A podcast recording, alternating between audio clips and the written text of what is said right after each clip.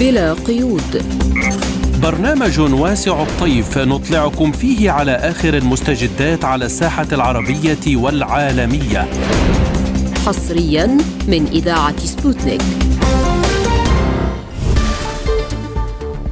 من وكالة الأنباء وإذاعة سبوتنيك الدولية في موسكو نرحب بكم مستمعينا في كل مكان في هذه الحلقة الجديدة من بلا قيود. سنكون معكم فيها أنا عماد الطفيلي. وأنا نغم كباس والبداية بالعناوين. الحرب على غزة تدخل شهرها الثاني وجنوب إفريقيا تقدم خطة لحل الصراع الفلسطيني الإسرائيلي. تأزم الوضع الإنساني في قطاع غزة في ظل استمرار العدوان الإسرائيلي. دول أوروبية تعارض إرسال المزيد من الأسلحة لأوكرانيا. الناتو يعلق مشاركته في معاهدة القوات المسلحة التقليدية في أوروبا. لازلتم تستمعون إلى برنامج بلا قيود. ونبدأ بالملف الفلسطيني حيث صرح وزير الدفاع الإسرائيلي يؤاف جالانت أن إسرائيل سيكون لديها الحرية الكاملة للتصرف في أي وضع يوجد فيه تهديد في قطاع غزة قائلا أمام إسرائيل حرب طويلة. ليس لمدة أسبوع أو أسبوعين. لن يكون هناك هدنة إنسانية من دون عودة المختطفين وهزيمة حماس. من جهة أخرى اقترحت جمهورية جنوب أفريقيا خطتها لحل الصراع الفلسطيني الإسرائيلي وقد قدمتها وزيرة خارجية البلاد ناليدي باندور خلال خطاب ألقته أمام برلمان البلاد قالت فيه كجنوب إفريقيين يجب علينا أن ندعو إلى اتخاذ إجراءات ملموسة لإنهاء المعاناة. أولا وقف فوري وشامل لإطلاق النار. ثانيا فتح الممرات الإنسانية حتى تصل المساعدات إلى كل المحتاجين. وللتعليق على هذا الموضوع نستضيف في حلقة اليوم من البرنامج السيد أبو أحمد فؤاد عضو اللجنة المركزية العامة للجبهة الشعبية لتحرير فلسطين. أهلا ومرحبا بك سيد أبو أحمد ضيفا عزيزا في حلقة اليوم من البرنامج. أهلا وسهلا ألف شكر لك. أهلا بحضرتك ونسألك يعني في ظل شراسة القصف الإسرائيلي لقطاع غزة والخطر الجسيم الذي يحدق بالشعب الفلسطيني جراء هذا العدوان ما هو الهدف الرأي الهدف الإسرائيلي برأيك؟ يعني واضح تماما أن الهدف الإسرائيلي هو محاولة السيطرة على غزة والقضاء على المقاومة من غزة وفي غزة وأنا أعتقد أن هذا المخطط يعني منذ 7 أكتوبر قد وضع من قبل القيادة العسكرية والأمنية الإسرائيلية ويحاول الآن أن يقوموا باجتياحات محدودة للسيطرة على مناطق تؤدي إلى العزل ما بين الشمال والجنوب تمهيدا لحصار المدينة ومحاولة لدخول المدينة في الفترة القادمة لكن هم شعروا الآن من خلال يعني المقاومة وتواجدها حتى في المناطق التي تم السيطرة عليها من قبل الإسرائيليين أن هناك مقاومة ومقاومة باسلة ونوعية والخسائر كبيرة في ظروف القوات يعني الإسرائيلية، هم يريدوا في كل الحالات أن يستعيدوا الأسرى بدون أن يقدموا أي ثمن ويريدوا أيضا أن يعيدوا ترتيب الأوضاع في غزة بحيث لا يكون هناك لا مقاومة ولا فصائل وليس فقط حماس كما يقولوا. يعني هن قالوا حتى أنهم يريدون إنهاء حركة حماس بالكامل واحتلال قطاع غزة وتسليمه لقوات تحالف دولي، يعني كيف يمكن تفسير هذا سوى أنه تهجير قسري إبادة؟ يعني هو حقيقة الأمر اللي ممكن بعض الناس لحد الآن يعني لا تقبل رأينا في هذا الموضوع لكن نحن نقول بوضوح أن القرار أمريكي مئة بالمئة والهجوم أمريكي مئة بالمئة. والخطة والبرنامج أمريكي وتشارك جنرالات أمريكية في غرف العمليات الإسرائيلية وهي صاحبة القرار والضوء الأخضر صدر من البيت الأبيض لهذا الكيان حتى يتمكن من تصفية المقاومة الفلسطينية والسيطرة على غزة وإيجاد حلول أخرى ليس لها على الإطلاق علاقة بإرادة الشعب الفلسطيني ولا حتى بإرادة يعني محور المقاومة، هم يريدوا حلول قائمة على أساس أن إسرائيل هي صاحبة القرار وإسرائيل هي التي تقرر أن يكون هناك غزة فلسطينية أو غير فلسطينية أو تحت إشراف دولي أو تحت قوات طوارئ إلى آخره، هذا ما يخطط له والقرار في كل الحالات هو أمريكي، لا أحد يعني يعلق على تدخلات أوروبية من هون أو على يعني تدخلات عربية من دول التطبيع من هناك إلى آخره. هذا كله ثانوي لأن القرار من البداية صادر من الولايات المتحدة وقائم على أساس أن البرنامج والخطة يجب أن تلبي ما تريد الولايات المتحدة وما يريد بايدن لأنه هو على أبواب الانتخابات. يريدون السيطرة على المنافذ البحرية؟ وأيضا نعم هذه الأساطيل التي وصلت إلى البحر الأبيض المتوسط هدفها فعلا أن تصل إلى الحد الذي يفرض على المنطقة بكاملها الإرادة الأمريكية بالصاروخ الأمريكي الإسرائيلي، وإلا كيف نفسر الحقيقة هذه الاساطيل لتوجه أسلحتها ضد غزة التي تعتمد على إمكانات تسليحية بسيطيه بسيطة ورقعه أرض يعني ضيقة وفيها ملايين من البشر لتصل هذه الاساطيل من قبل الولايات المتحدة وبتهديد لغزة وتهديد للبنان. هذا الموضوع كله مفهوم. سيد أبو أحمد وهناك أيضا إسرائيل وعدت بترك قواتها الأمنية هناك بعد العملية في غزة، هل هذا يعني انه تل أبيب كانت تنوي من البداية السيطرة على القطاع حتى بدون أن تقوم المقاومة بعملية طوفان الأقصى؟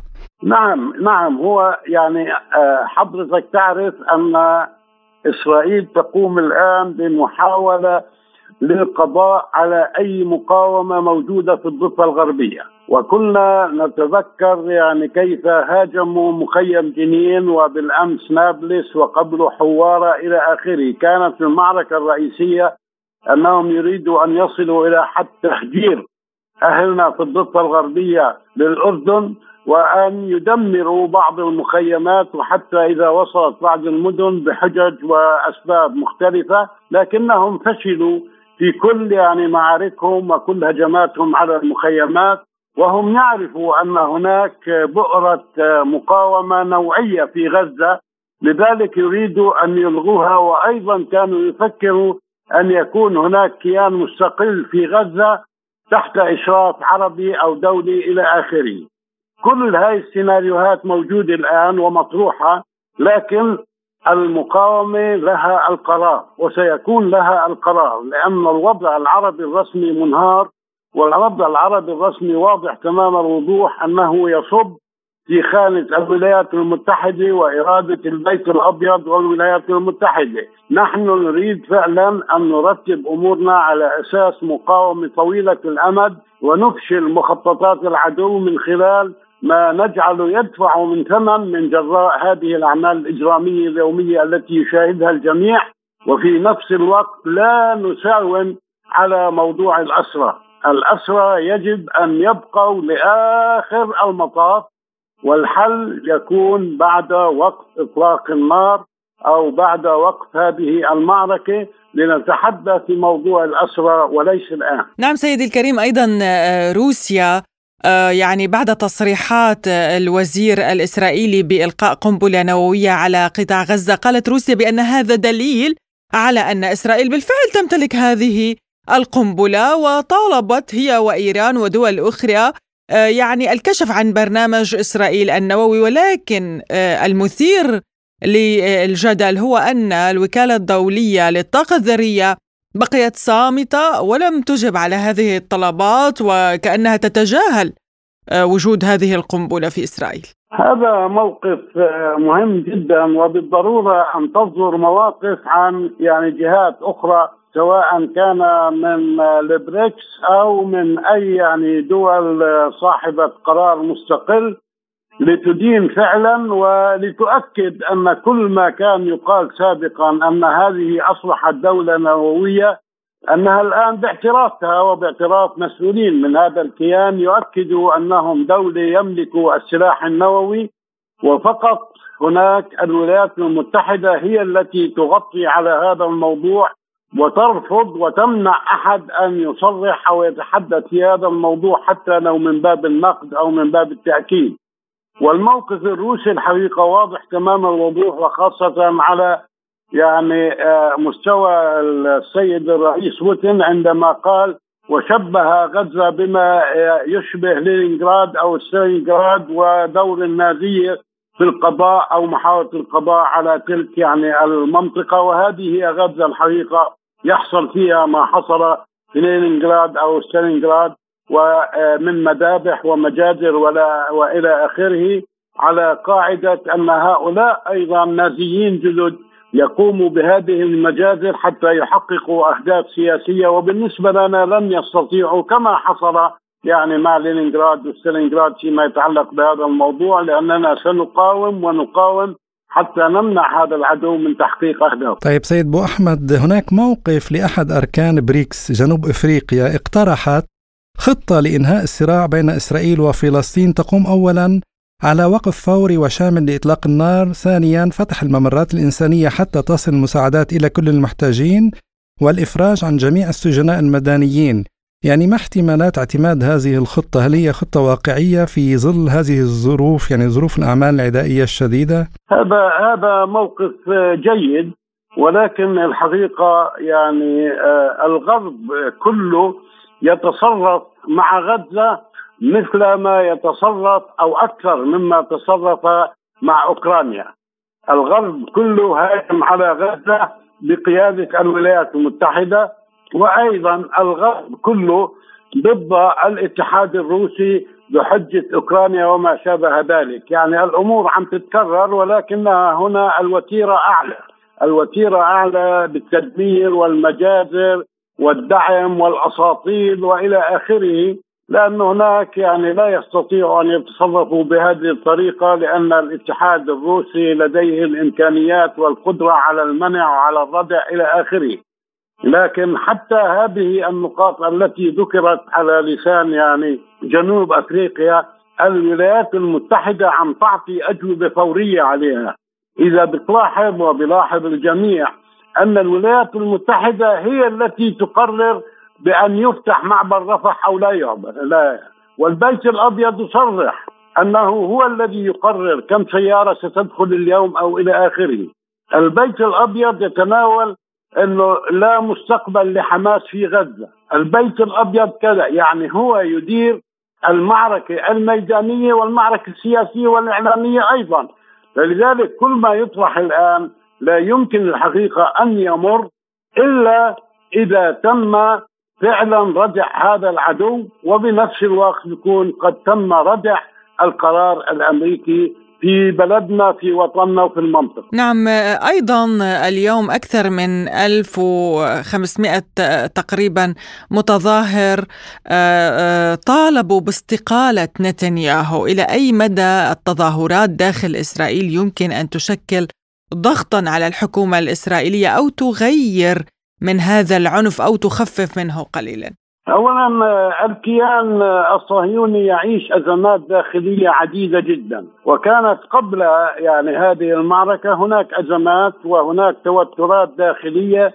وتيارات مختلفة وصراعات داخلية سواء فيما يتعلق بالقضاء أو فيما يتعلق بالاقتصاد أو فيما يتعلق بمسائل مختلفة كثيرة. الآن هناك إنجاز تحقق من قبل المقاومة إنه أصبح لدى المقاومة مئات الأسرى.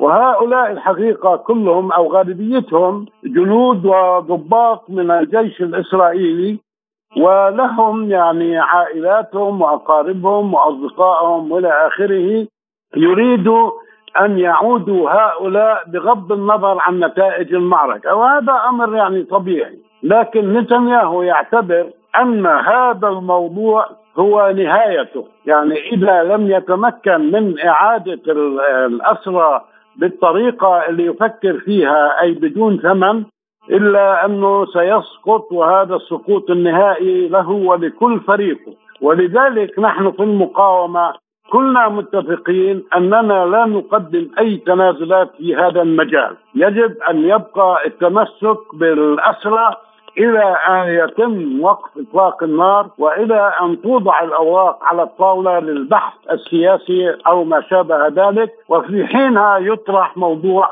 آه، ما يزيد عن ستة آلاف فلسطيني في سجون العدو. قسم منهم مضى عليه 35 عام قسم 40 عام إلى آخره. وليس أمامنا طريق لتحرير هؤلاء من سجون العدو إلا هذا التبادل ولكن بعد أن توقف المعركة، أما خلال المعركة لا نتعاطى مع هذا الموضوع على الإطلاق لأنه سيكون لمصلحة نتنياهو وفريقه. طيب سيد أبو أحمد سؤال أخير يعني نعود إلى ما قاله وزير شؤون القدس والتراث الإسرائيلي الياهو حول إمكانية توجيه ضربة نووية إلى قطاع غزة.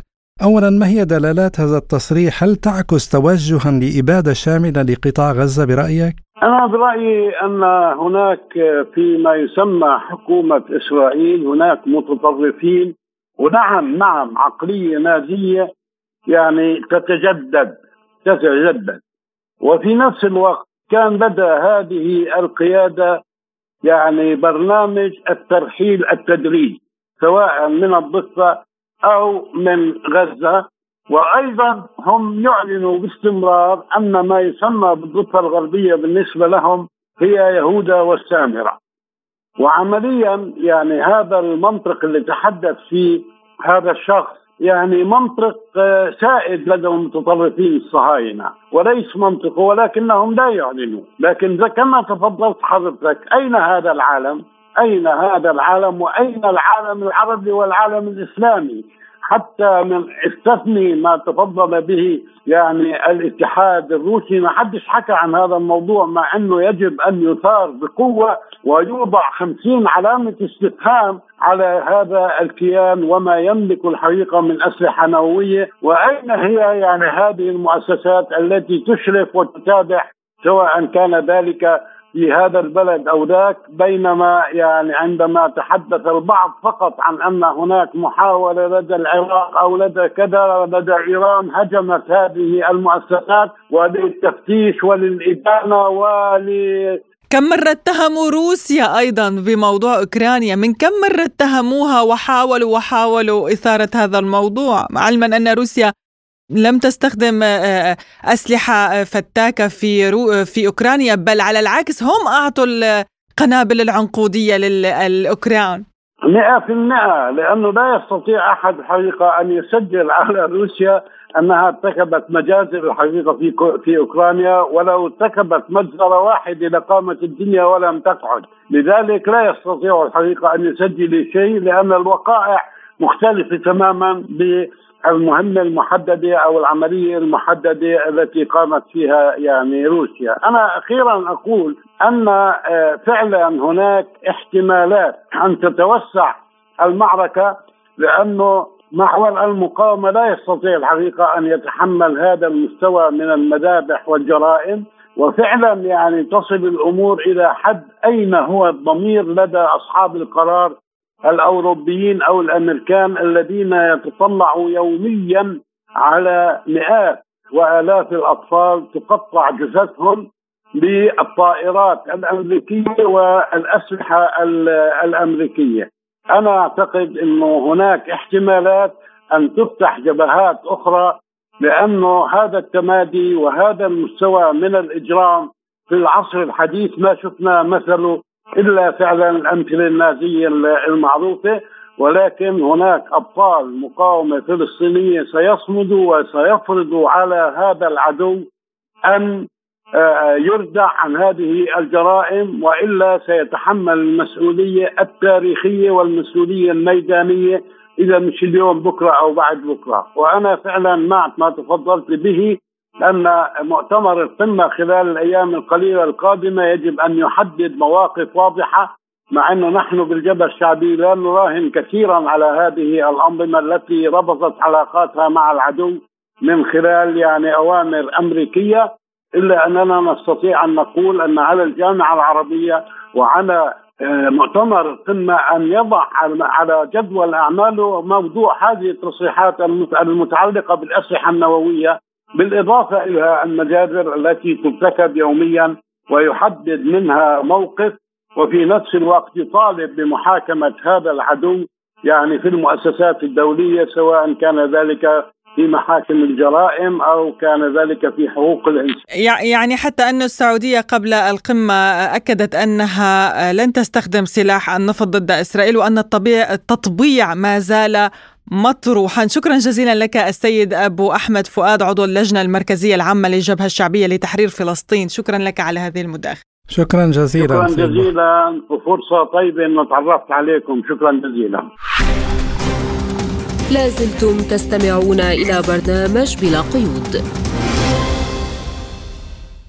ونبقى في الشأن الفلسطيني حيث تواصلت الغارات المكثفة على القطاع وارتكبت قوات الاحتلال مجازر جديدة في عدة مناطق من غزة كما استهدفت بالقصف مبنى تابعا لمستشفى الشفاء ومحيط المستشفى الإندونيسي شمال القطاع. وارتفع عدد الشهداء منذ بداية العدوان إلى أكثر من عشرة آلاف وثلاثمائة شخص وتنتشر جثامين عشرات الشهداء في شوارع مدينة غزة في ظل تحذيرات من كارثة صحية. ونددت منظمات دولية وأممية بقصف قوات الاحتلال خزانات مياه ومخابز وألواح الطاقة الشمسية وحذرت من حرمان سكان غزة من ضروريات الحياة.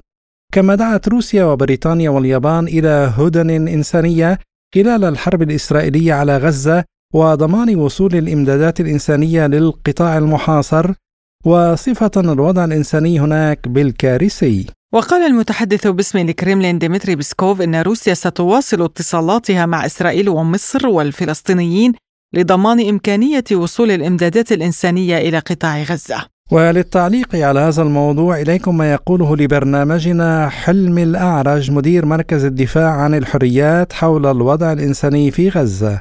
يعني الوضع الإنساني في قطاع غزة كارثة بكل ما للكلمة من معنى. كارثة آه، شاملة طالت كل آه، ما هو آه، في قطاع غزة من البيوت المستشفيات المدارس الكنائس الكنائس البنية التحتية عقوبات جماعية انقطاع مياه كهرباء وقود توقف المستشفيات عن العمل عدم وجود غذاء مياه ودواء بالإضافة لعدم توفر الادوات الطبية الضرورية من أجل إجراء العمليات الجراحية.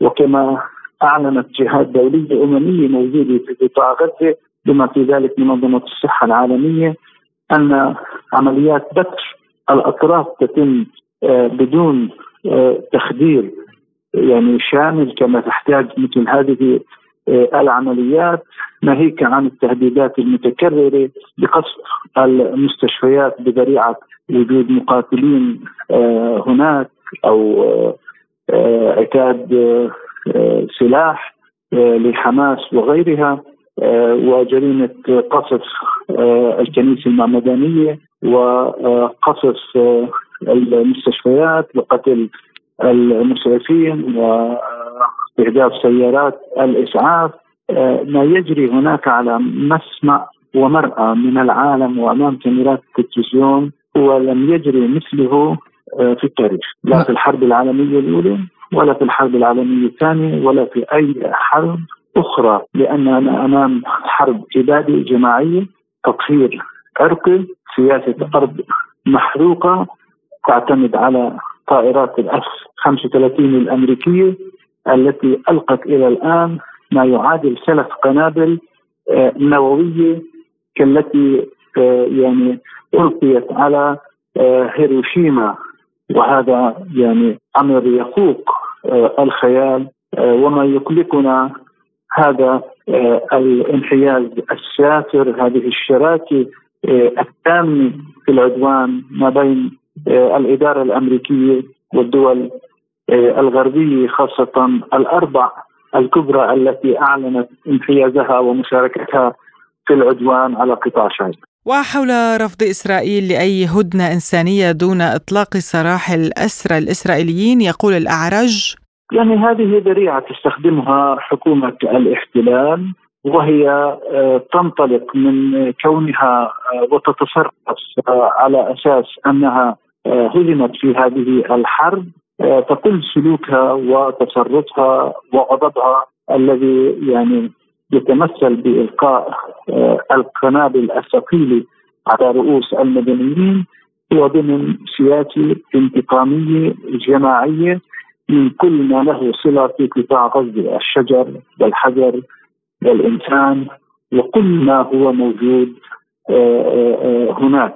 يعني كل الدول بما في ذلك قرار الجمعية العمومية للأمم المتحدة الذي صوت معه 120 دولة طالبت بوقف العدوان ويعني وقف أو هدن إنسانية ومع ذلك يعني هذا الاحتلال يرفض يريد أن يستفرد في قطاع غزة ليس لمقارعه المقاومين والمقاتلين إنما من أجل التطهير العرقي والترحيل وقتل آه، المدنيين. ولكننا يعني مطمئنين لموقف الدول الصديقة وخاصة روسيا والصين آه، مطمئنين لموقف الشعوب العربية والإسلامية وكل شعوب العالم التي تقف إلى جانب الشعب الفلسطيني في حقوقه آه، بالحريه والاستقلال وضد العدوان وحرب الإبادة وتطالب بوقف آه، هذا العدوان ووقف إطلاق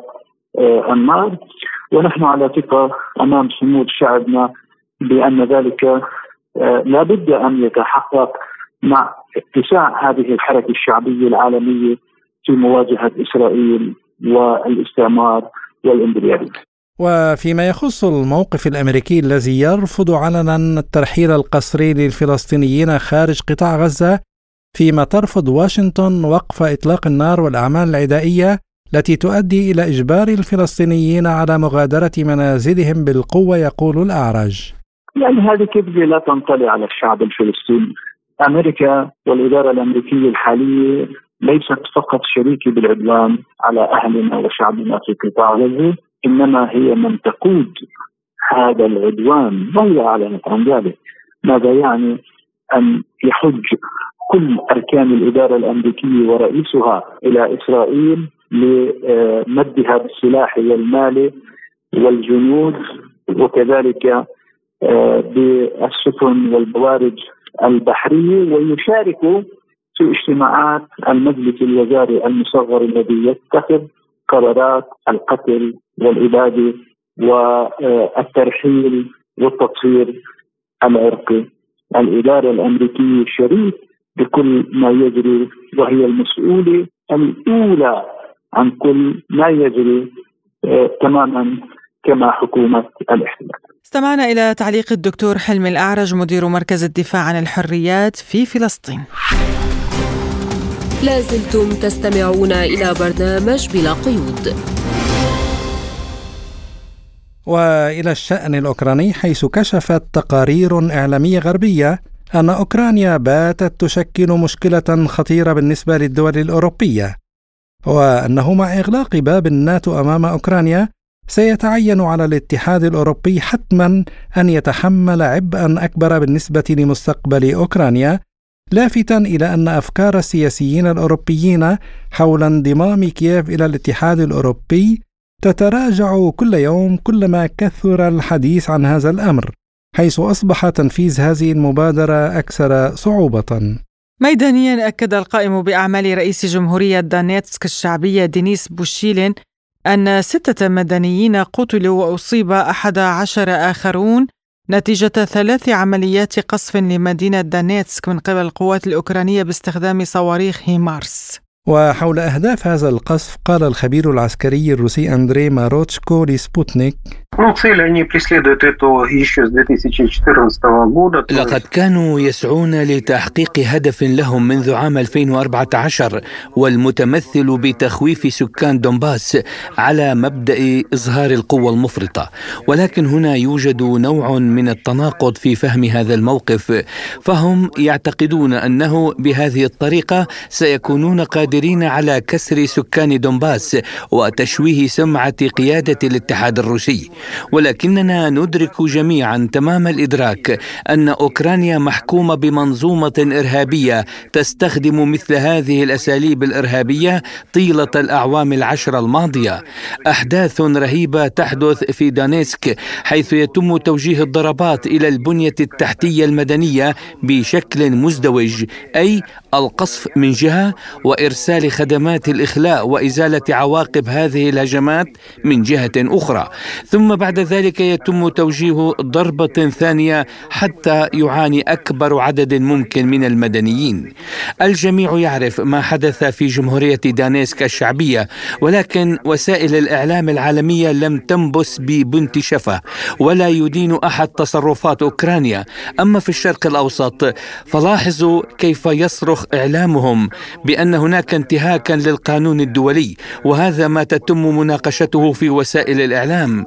ولكن هنا كما يقول المثل صم بكم لا يبصرون أود أن أشير إلى أن هذا يحدث منذ عشر سنوات. منذ عشر سنوات ونحن نعاني من نيران المسلحين الأوكرانيين. نحن نعاني من الذخيرة التي تزودهم بها الولايات المتحدة. ولمناقشة هذا الموضوع ينضم إلينا عبر الهاتف الخبير بشؤون روسيا والقوقاز الدكتور باسل الحاج جاسم. أهلا بك دكتور عبر إذاعة سبوتنيك. أهلا بكم يا أهلا. يعني المجر وسلوفاكيا تعارضان إمدادات الأسلحة لأوكرانيا. هل يلوح هذا في يلوح في الأفق انقسام آخر في أوروبا؟ يعني ربما هناك آه، اليوم دول ستمنع ربما أو تحد من إمدادات الأسلحة إلى أوكرانيا. بالنسبة للمجر فهذا الموضوع ليس بالشيء الجديد. منذ بداية اشتعال الأزمة الأوكرانية وإشعالها عدة حروب كان هناك موقف مجري يختلف عن باقي سواء دول حلف الناتو أو الاتحاد الأوروبي. كانت تتعامل بطريقة مختلفة مع هذا الملف. وبعد الانتخابات الأخيرة في سلوفاكيا يبدو أن موقف آخر جديد بين دول الاتحاد الأوروبي دخل على الخط. بالتالي يعني بالإضافة لمواقف أوروبية أخرى مختلفة أو مواقف في إطار دول حلف الناتو على سبيل المثال لدينا أيضا الموقف التركي هو مختلف أيضا عن عموم التحالف الغربي. بالتالي اليوم نعم هناك ربما خلاف آخر أو انقسام بين دول التكتل الغربي بخصوص طريقة التعامل مع روسيا على خلفية الأزمة الأوكرانية يختلف عما تريده الولايات المتحدة الأمريكية أو دول أخرى في أوروبا الشرقية متشددة أو ترفع السقف وتريد مزيد من التوتر مثل دول البلقان أو بولندا. طيب دكتور باسل كشفت روسيا أن الولايات المتحدة تحاول توسيع نفوذها في كازاخستان يعني من خلال برامج تدريب لقوات حفظ السلام وللعسكريين الكازاخستانيين. هل هي جبهة جديدة ضد روسيا بعد استنزاف أوكرانيا وانتهاء دور زيلينسكي برأيك؟ الملاحظ أنه منذ اشتعال الأزمة الأوكرانية كل المناطق التي فيها نزاعات خامدة أو مجمدة وروسيا طرف فيها أو على علاقة مع أطراف هذا النزاع أو هناك صلات بشكل أو بآخر سواء في البلقان في القوقاز في آسيا الوسطى حتى فيما يخص الخلاف الصيني التايواني. كل هذه الأزمات الخامدة بدأت تطفو على السطح. وبالتأكيد اليوم من مصلحة الولايات المتحدة الأمريكية إشغال روسيا في ملفات أخرى لتشتيت مواردها وإبعاد تركيزها عما يحدث في أوكرانيا. ويعني كازاخستان من بين دول في آسيا الوسطى أو جمهوريات سوفيتية السابقه لديها أيضا علاقات مع الولايات المتحدة الأمريكية، لكن فيما يخص تحديدا ما جرى تداوله قبل عدة أيام جرى يعني نشر خبر في بعض الصحف عن افتتاح مركز للناتو في مدينة الماطه العاصمة السابقة، كازاخستان نفت مثل هذه الأخبار. وكان هناك تصريح للمتحدث باسم الكرملين بأنهم سيتأكدون من زملائهم في كازاخستان بخصوص أخبار مثل هذه، لكن التعاون عسكريا بين الولايات المتحدة الأمريكية والعديد من الدول السوفيتية السابقة هو قائم منذ أواسط التسعينيات الكثير من دول آسيا الوسطى وهي أيضا دول أعضاء في الكثير من التحالفات سواء العسكرية أو الاقتصادية الإقليمية التي تزعمها روسيا لدى تلك الدول شراكات سواء في برنامج الشراكة من أجل السلام الذي أقام الكثير من المناورات والتدريبات المشتركة بين هذه الدول السوفيتية السابقة وحلف الناتو والولايات المتحدة الأمريكية على وجه الخصوص، لكن كما قلت نعم من مصلحة الولايات المتحدة اليوم الأمريكية اليوم التقرب أكثر من دول تعتبر حليفة تقليديا لروسيا وهي تعتبر بمثابة حدائق خلفية لموسكو لتشتيت الانتباه الروسي والتركيز الروسي إبعاده عن أوكرانيا وأيضا تشتيت الموارد الروسية عما يحدث في أوكرانيا. وهناك على ما أعتقد غدا زيارة رسمية للرئيس الروسي إلى كازاخستان لبحث العلاقة وتعميق الشراكة الاستراتيجية بين البلدين. نعم ولكن هذا دكتور التعاون العسكري العسكري كما ذكرت بين آه، دول الاتحاد السوفيتي السابق والولايات المتحدة الأمريكية آه، ربما إذا زاد عن حد معين وجدنا أوكرانيا جديدة آه، يعني أصعب الوضع من أوكرانيا حتى سيكون ربما كيف ستتصرف روسيا برأيك في هذه الحالة؟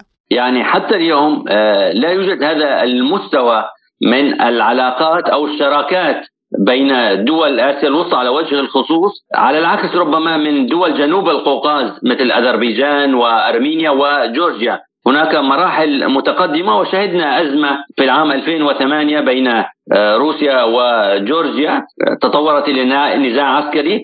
وأيضا في الأسابيع القليلة الماضية شهدنا أيضا الكثير من التوترات في التصريحات بين موسكو ويريفان لنفس الموضوع على خلفية ما يتعلق بتعميق ربما الشراكات أو التعاون بين آه، يريفان والولايات المتحدة الأمريكية. في دول آسيا الوسطى إلى اليوم لم يرتقي آه، هذا التعاون إلى مستوى ينبئ أو ينذر بحدوث أزمة آه، سواء بين أسطنة أو موسكو أو الدول الأخرى المجاورة سواء بشكيك أو طشقند أو دوشنبه مع العلم أنه آه، مع بدء الحرب الأمريكية على أفغانستان أقامت الولايات المتحدة الأمريكية قواعد عسكرية في دول آسيا الوسطى سواء في قرقيزستان أو أوزبكستان أو حتى طاجكستان. لكن آه، لم يثير آه، هذا الأمر في تلك الفترة أي حفيظة لدى موسكو. لا نعلم الآن بعد الانسحاب الأمريكي من أفغانستان واشتعال الأزمة الأوكرانية واليوم اشتعال أو تجدد آه، آه، اشتعال الصراع التاريخي في الشرق الأوسط هل سيثير أو يجعل الولايات المتحدة الأمريكية تعزز من تحركاتها في الجوار الروسي آه، القريب من الصعب التكهن بشيء مثل هذا لكن البيئة في كل هذه الدول مهيئة لحدوث شيء مثل هذا. نعم دكتور باسل يعني الرئيس الأمريكي بايدن يشعر بالقلق إزاء مشكلات القوات الأوكرانية على الجبهة فضلا عن حقيقة أن صواريخ أتاكامز غير قادرة على تغيير ميزان القوى هل يعني هذا أن واشنطن لن تتردد في إرسال المزيد من الأسلحة الفتاكة إلى أوكرانيا؟ في الواقع يعني اليوم لو نلاحظ بعد تجدد آه، أو عودة آه، نزاع الشرق الأوسط التاريخي والحرب الإسرائيلية على غزة عودتها إلى واجهة الأحداث بات على الولايات المتحدة الأمريكية المحاربة على جبهتين أو دعم حليفين في حربين في نفس آه، الوقت. ونشهد ما يجري تداوله سواء في خلافات داخل الكونغرس الأمريكي حتى قبل عودة أحداث الشرق الأوسط إلى الواجهة السياسية والإعلامية بأن هناك آه، خلاف حول آه، استمرارية الدعم لأوكرانيا. وأيضا آه، نعلم جميعا بأن هذا يشكل عبء سواء من ناحية الأعباء الاقتصادية والعسكرية على الولايات المتحدة الأمريكية ومن ناحية ثانية آه، كما تفضلت في سؤالك عدم حتى الآن آه، جدوى كل الأسلحة التي قدمت. الهجوم الأوكراني المضاد لم يعد أحد يتحدث عن نتائجه التي لم تحقق شيء آه، ملموس. هناك تململ شعبي ولدى العديد من الحكومات الغربية. في السؤال الأول ذكرنا مثالين عن سلوفاكيا والمجر. أيضا هناك تحركات شعبية تطالب ربما بالوصول أو صيغة سياسية لإنهاء هذا النزاع. آه، كل هذا بالتأكيد سيؤثر على آه، الموقف آه، الأوكراني أو موقف القيادة الأوكرانية التي طالما كانت موسكو تصفها بأنها العوبة لدى الولايات المتحدة الأمريكية. وهذا ما سينعكس بالتأكيد على مجريات الميدان وهي التي قد تدفع ربما لطاولة مفاوضات لا نعلم هل ستكون قريبة أم قريبة جدا. نعم يعني أيضا مسؤولة سابقة في البنتاغون كشفت أن زيلينسكي سيغادر البلاد بحلول العام المقبل. ما السيناريوهات المحتملة بعد خروجه؟ إذا بالفعل صح آه، كلام هذه المسؤولة الأمريكية. في الواقع آه، قبل قبل قبل مغادرة زيلينسكي كان هناك حديث قبل أيام للرئيس الروسي بأنهم إذا كانوا جادين بالتفاوض عليهم إزالة مادة أدرجت في القانون أو الدستور الأوكراني هي تمنع التفاوض مع روسيا. هذا بداية. ثانيا يعني زيلينسكي هو بحسب التصريحات الروسية المتكررة لكن في الآونة الأخيرة لم نعد نسمعها. قبل بداية روسيا عملياتها العسكرية كانت دوما هناك تصريحات بأن زيلينسكي والقيادة الأوكرانية هي العوبة في يد واشنطن. لذلك كان الإصرار الروسي على التفاوض مع واشنطن حصرا وليس حتى مع دول الاتحاد الأوروبي لأن ما تريده موسكو من ضمانات أمنية وشروط أخرى تتعلق التواجد العسكري سواء الأمريكي أو لقوات حلف الناتو في دول أوروبا الشرقية وخصوصا التي كانت جزء من المنظومة الشرقية أو جزء من حلف وارسو وبعضها جزء من الاتحاد السوفيتي السابق. فقط واشنطن التي تستطيع منح مثل هذه الضمانات أو الموافقة على آه، ما تريده آه، روسيا آه، بالتالي اليوم وجود أي شخص أعتقد في منصب رئيس أوكرانيا لا يغير من الموضوع شيئا قد يكون أي تغيير مقبل في رأس الهرم لدى أوكرانيا ربما فقط لحفظ ماء الوجه أكثر منه من ناحية حدوث تغيير جذري. نعم الخبير بشؤون روسيا والقوقاز الدكتور باسل الحج جاسم شكرا لك على هذه المداخلة. شكرا شكرا لازلتم تستمعون إلى برنامج بلا قيود. وإلى ملفنا التالي إذ صرح السفير الروسي في واشنطن أناتولي أناتونوف أن الولايات المتحدة تجاوزت علنا القيود المفروضة بموجب معاهدة القوات المسلحة التقليدية في أوروبا وليس لديها خطط لحوار أمني مع روسيا بشأن الأمن الجماعي. وقال السفير الروسي لم يكن لدى واشنطن خططا لمحادثة جوهرية كانت تؤمن بخطورة نفوذها وسارعت في عملية توسيع حلف الناتو عن طريق تجاوز قيود معاهدة القوات المسلحة التقليدية بشكل علني. وأخيرا اشتركت في حرب هجينة ضد روسيا على يد الأوكرانيين. وللمزيد حول هذا الموضوع ينضم إلينا عبر الهاتف مدير المركز الأوروبي لدراسات مكافحة الإرهاب الدكتور جاسم محمد. أهلا بك دكتور في برنامج بلا قيود ونبدأ من إعلان دول الناتو عزمها تعليق مشاركتها إلى أجل غير مسمى في معاهدة القوات المسلحة التقليدية في أوروبا. يعني كيف يؤثر ذلك على أمن أوروبا والعالم أيضا؟ بدون شك الاتفاقات الأمنية ما بين الناتو وروسيا أو ما بين روسيا والولايات المتحدة في جوانب الأمن والدفاع هي يعني تعمل على تعزيز الأمن الدولي. عندما يكون هنالك اتفاقات مع قوتين يعني عسكرية وأمنية فاي اتفاق أو أي تعاون أمني أو عسكري ما بين الطرفين أكيد هو يعزز آه، الأمن الدولي، لكن عندما يكون العكس انسحابات من قبل الناتو أو من قبل روسيا هذا يقول بأن هنالك تسابق في التسلح وهنا نتحدث عن الأسلحة التقليدية وتحديدا آه، تداعياتها على أمن أوروبا وكذلك على الأمن الدولي، فاذا انسحاب أي طرف للاطراف من الاتفاقات العسكرية أو الامنيه هو تهديد يعتبر. والحديث هنا عن الانسحاب حول معاهدة القوات المسلحة التقليدية. طبعا أيضا هذا يأتي في ظل يعني مناخ دولي متأزم. نلاحظ أنه حرب أوكرانيا وكذلك حرب غزة هذه جميعها تساعد ربما على تصعيد القوات المسلحة التقليدية إلى جانب القوى آه، يعني القوه النووية والسلاح النووي، يعني هنا سيكون هنالك تصعيد، والتصعيد العسكري أو التسلح هو لا يخدم آه، القواعد الأساسية إلى الأمن الدولي. دكتور جاسم ما نتائج هذا القرار على روسيا واليوم نرى العداء الغربي لها؟ روسيا عندما يكون هنالك انسحاب آه، بدون شك أنه روسيا تعمل حساباتها فيما يتعلق في هذه المعاهدة أنه راح يكون تعزيز أيضا وتصعيد إلى قدراتها في موضوعات التسلح التقليدي وخاصة في مجال الدروع ربما يكون هنالك تصعيد.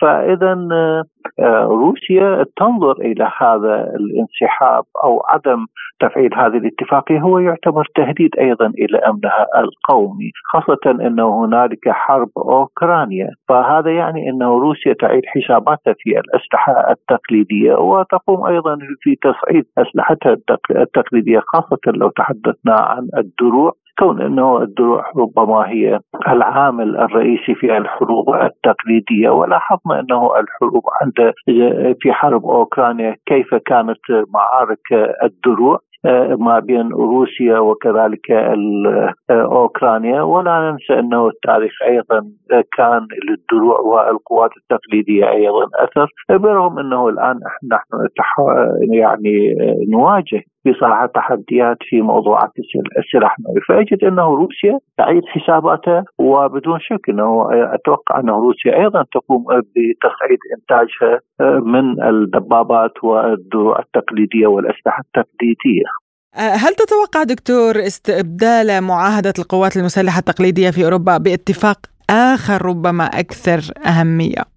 الآن آه، في ظل حرب أوكرانيا هنالك فرق في الاتفاقات الأمنية وهذا يعني إنه إذا كانت هنالك ضرورة إلى تفعيل المعاهدات الأمنية يعني في أوروبا نلاحظ إن هنالك انسحابات خاصة لو تحدثنا عن التعاون الأمني الأوروبي معاهدة التعاون الأوروبي في مجالات الأمن نلاحظ أيضا كان هنالك أيضا بين مزدوجين ربما تهميش إلى روسيا والآن نجد إنه الانسحابات من هذه الاتفاقية أوروبا هي تابعة إلى الناتو وهذا يعني بأن ليس في قدرة الاتحاد الأوروبي وليس في قدرة أوروبا إيجاد أي اتفاقات بديلة في الوقت الحاضر. طالما إنه لا توجد رغبة. يعني يعني هنالك تصريحات ربما من بعض كبار المسؤولين في روسيا إنه العلاقة ما ما بين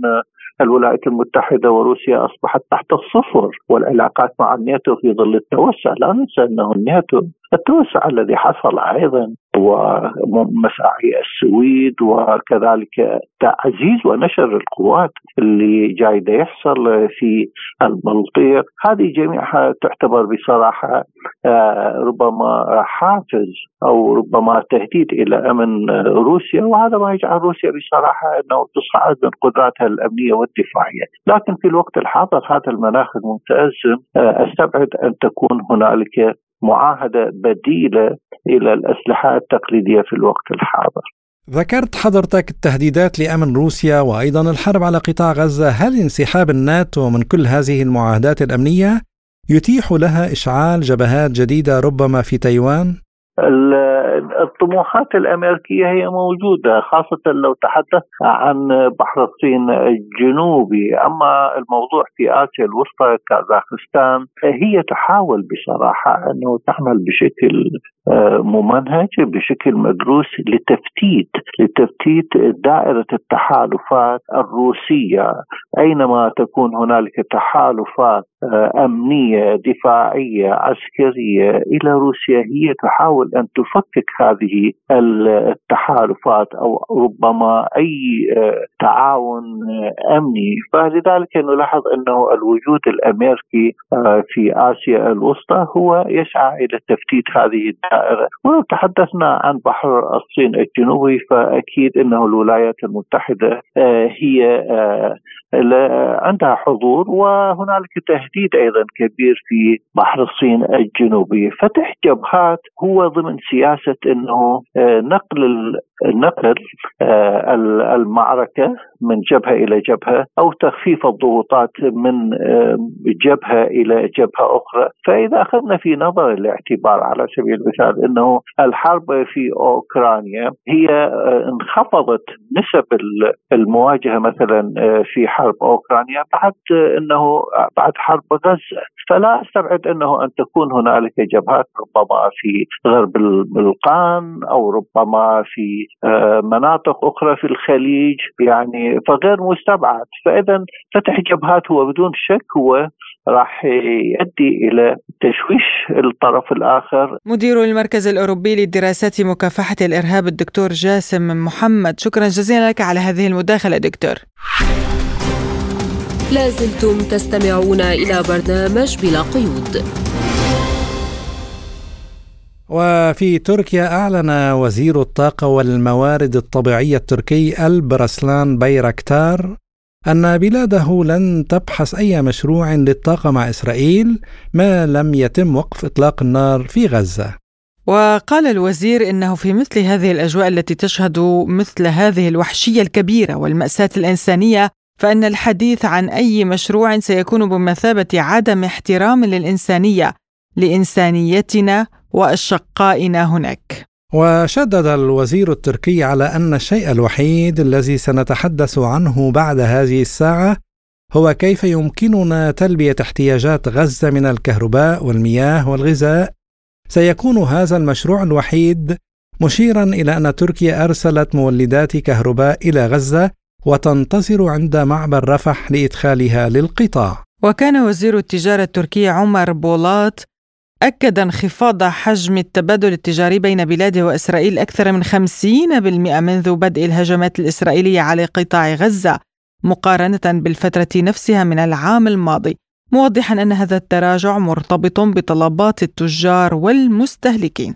وللتعليق على هذا الموضوع إليكم ما يقوله لبرنامجنا خبير في الشأن التركي والباحث في العلاقات الدولية محمود علوش. من المعروف أن الحرب الإسرائيلية على قطاع غزة فرضت تعقيدات كبيرة على العلاقات التركية الإسرائيلية لا سيما بعد إعادة إصلاحها في الآونة الأخيرة. وهناك توتر آه، كبير في العلاقات اليوم بسبب الموقف من الحرب. آه، لكن عموما يعني ما يمكن استخلاصه من التحركات التركية أنه تركيا تحاول أن توازن بين إظهار المعارضة القوية لهذه الحرب والتنديد بإسرائيل بشكل واضح من جهة. وبين التجنب أن تؤدي التوترات الجديدة اليوم مع تل أبيب انهيار دبلوماسي كامل في العلاقات. بالإضافة إلى السقف السياسي هناك بعض الخطوات يعني السياسية المهمة لكنها تبقى متواضعة. يعني اتخذتها تركيا كرد على هذه الحرب آه، منها إلغاء زيارة كانت مقررة للرئيس إردوغان إلى إسرائيل وأيضا كان هناك زيارة لوزير الطاقة التركي إلى إسرائيل. ونتحدث عنه الوزير التركي مؤخرا عن تعليق مشروع التعاون بين إسرائيل وتركيا في مجال تصدير الغاز الإسرائيلي إلى أوروبا عبر الأراضي التركية، وهذه الخطوات يعني تحاول تركيا أن تستخدمها كوسيلة ضغط على آه، إسرائيل من أجل وقف إطلاق النار أو على الأقل تهدئة حدة الصراع.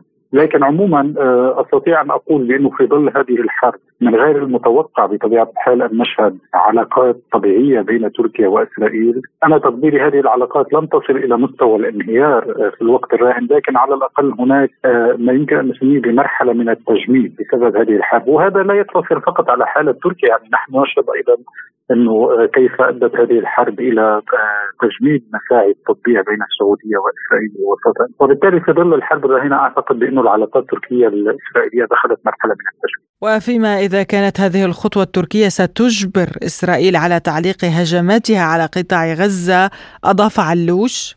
لا أعتقد بأنه مثل هذه الخطوات تضغط على إسرائيل أو تدفعها لتبني نهج مختلف في الحرب على قطاع غزة، هناك اعتبارات أمنية آه، حساسة بالدرجة الأولى هي من تدير السياسة أو الحرب الإسرائيلية في قطاع غزة، حتى يعني الولايات المتحدة الأمريكية بدأت عاجزه في ممارسة الضغط على نتنياهو آه، خلال شهر من الحرب تقريبا من أجل القبول بهدى إنسانية مؤقته من أجل إدخال المساعدات الإنسانية إلى قطاع غزة، وبالتالي أعتقد بأنه هذه الخطوات يعني بالطبع تضغط على الإسرائيليين لكن مستوى الضغط لا يصل إلى الحد الذي ممكن أن يدفع صانع القرار في إسرائيل إلى اتخاذ قرار مختلف أو التوقف عن هذه الحرب.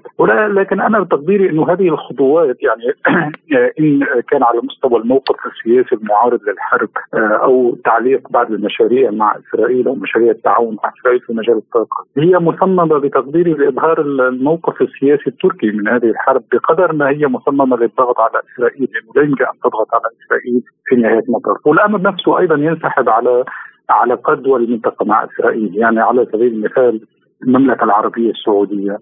أقصى ما يمكن أن تفعله أو ما يمكن أن تعبر من خلاله عن موقفها هو تجميد مسائل التطبيع مع إسرائيل. آه، الأردن على سبيل المثال استدعى سفيره آه، من إسرائيل، لكن اللافت اليوم إنه جميع دول المنطقة تقريبا التي لديها علاقات مع إسرائيل آه، ليست مستعدة ل يعني أو لا تفضل انهيار دبلوماسي كامل في العلاقات، يعني اليوم الموقف الإسرائيلي من الحرب على غزة مقارنة بالسنوات العشر الماضية هو موقف متراجع وليس موقف متقدم اليوم يعني رغم هذه التوترات لم تصل حتى إلى مستوى خفض التمثيل الدبلوماسي بين البلدين، أيضا الأردن يعني استدعاء السفير الاردني لدى إسرائيل والبحرين كذلك فعلت يعني لذلك أنا تقديري إنه اليوم آه، دول المنطقة تحاول أن توازن في بين إظهار الدعم أو إظهار الرفض للحرب وبين الحد من تداعيات الحرب على مصالحها وعلى سياساتها الإقليمية، وهناك في جانب آخر يعني قد يكون واقعي أنا تقديري انه اليوم تركيا آه، تريد أن تلعب دور نشط فيما يتعلق بجهود آه، وقف إطلاق النار والمساعدة في إطلاق الرهائن والأسرى. وربما لعب دور أكبر في الصراع الفلسطيني الإسرائيلي ككل من خلال بوابة التسويه السياسيه وهذا الأمر لا يمكن أن يتحقق إذا ما آه، يعني وصلت تركيا إلى حد انهيار علاقتها بشكل كامل مع إسرائيل، لذلك هناك عدة دوافع تقديري تساعد اليوم أو تدفع اليوم تركيا إلى محاولة هذه الموازنة، مساله إنه يعني من غير المتوقع حقيقة لا أن يؤدي الموقف التركي ولا حتى المواقف الإقليمية إلى الضغط على إسرائيل لتغيير نهجها في الحرب. وعن استعداد تركيا لتقديم مساعدات إنسانية إلى غزة يقول علوش. في ظل الأزمة الإنسانية الخطيرة التي تتسبب بها الحرب الإسرائيلية في قطاع غزة، هناك مسؤولية إنسانية وأخلاقية وأيضا سياسية على دول المنطقة لا سيما تركيا في القيام بتحركات من أجل تقديم مساعدات للفلسطينيين في القطاع، من غير المقبول أن تبدو دول المنطقة مستسلمة اليوم أمام الإرادة الإسرائيلية في غزة وعاجزة حتى عن إدخال المساعدات.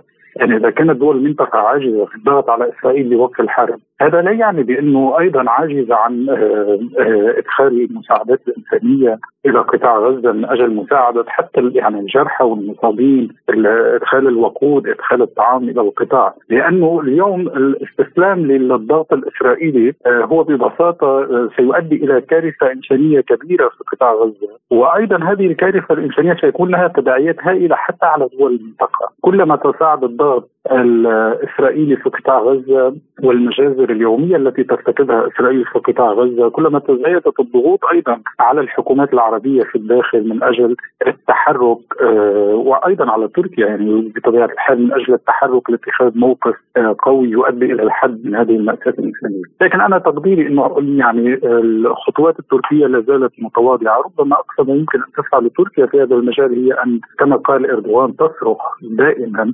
بأنها تريد السلام وتريد وقف هذه الحرب. ترسل المساعدات التي تنتظر الآن في الجانب المصري من الحدود، لكن المهم ليس إرسال المساعدات، اليوم. أنا تقديري رغم صعوبة الموقف هناك حاجة فعلية إلى الانخراط في جهد دبلوماسي كبير آه، مع الولايات المتحدة الأمريكية وحتى مع إسرائيل. من أجل التوافق على مسارات إنسانية يمكن أن تحد من الوضع الإنساني من تدهور الوضع الإنساني في قطاع غزة وأن يكون هناك خطة واضحة ممكن أن يعمل آه، فيها الجميع، لا يمكن بطبيعة الحال أن تنجح أي مسارات إنسانية في قطاع غزه بدون أن توافق إسرائيل على آه، على هذه المسارات لأنه اليوم حتى قوافل المساعدات لا تستطيع أن تدخل إلى قطاع غزة من مدى الرفح المصري من دون أن يكون هناك آه، شعور بأنها مأمن من الضربات الإسرائيلية، وبالتالي يعني هذه الخطوات أنا تقديري إنه هي جزء من الموقف السياسي لكنها لا تساعد بطبيعة الحال إذا لم تقارن وإذا لم تصاحب بخطوات فعلية آه، على مستوى جماعي أقليمي ليست فقط تركيا. يعني المسارات الإنسانية اليوم كي تنجح هناك حاجة لأن يكون هناك تعاون أقليمي على نطاق أوسع.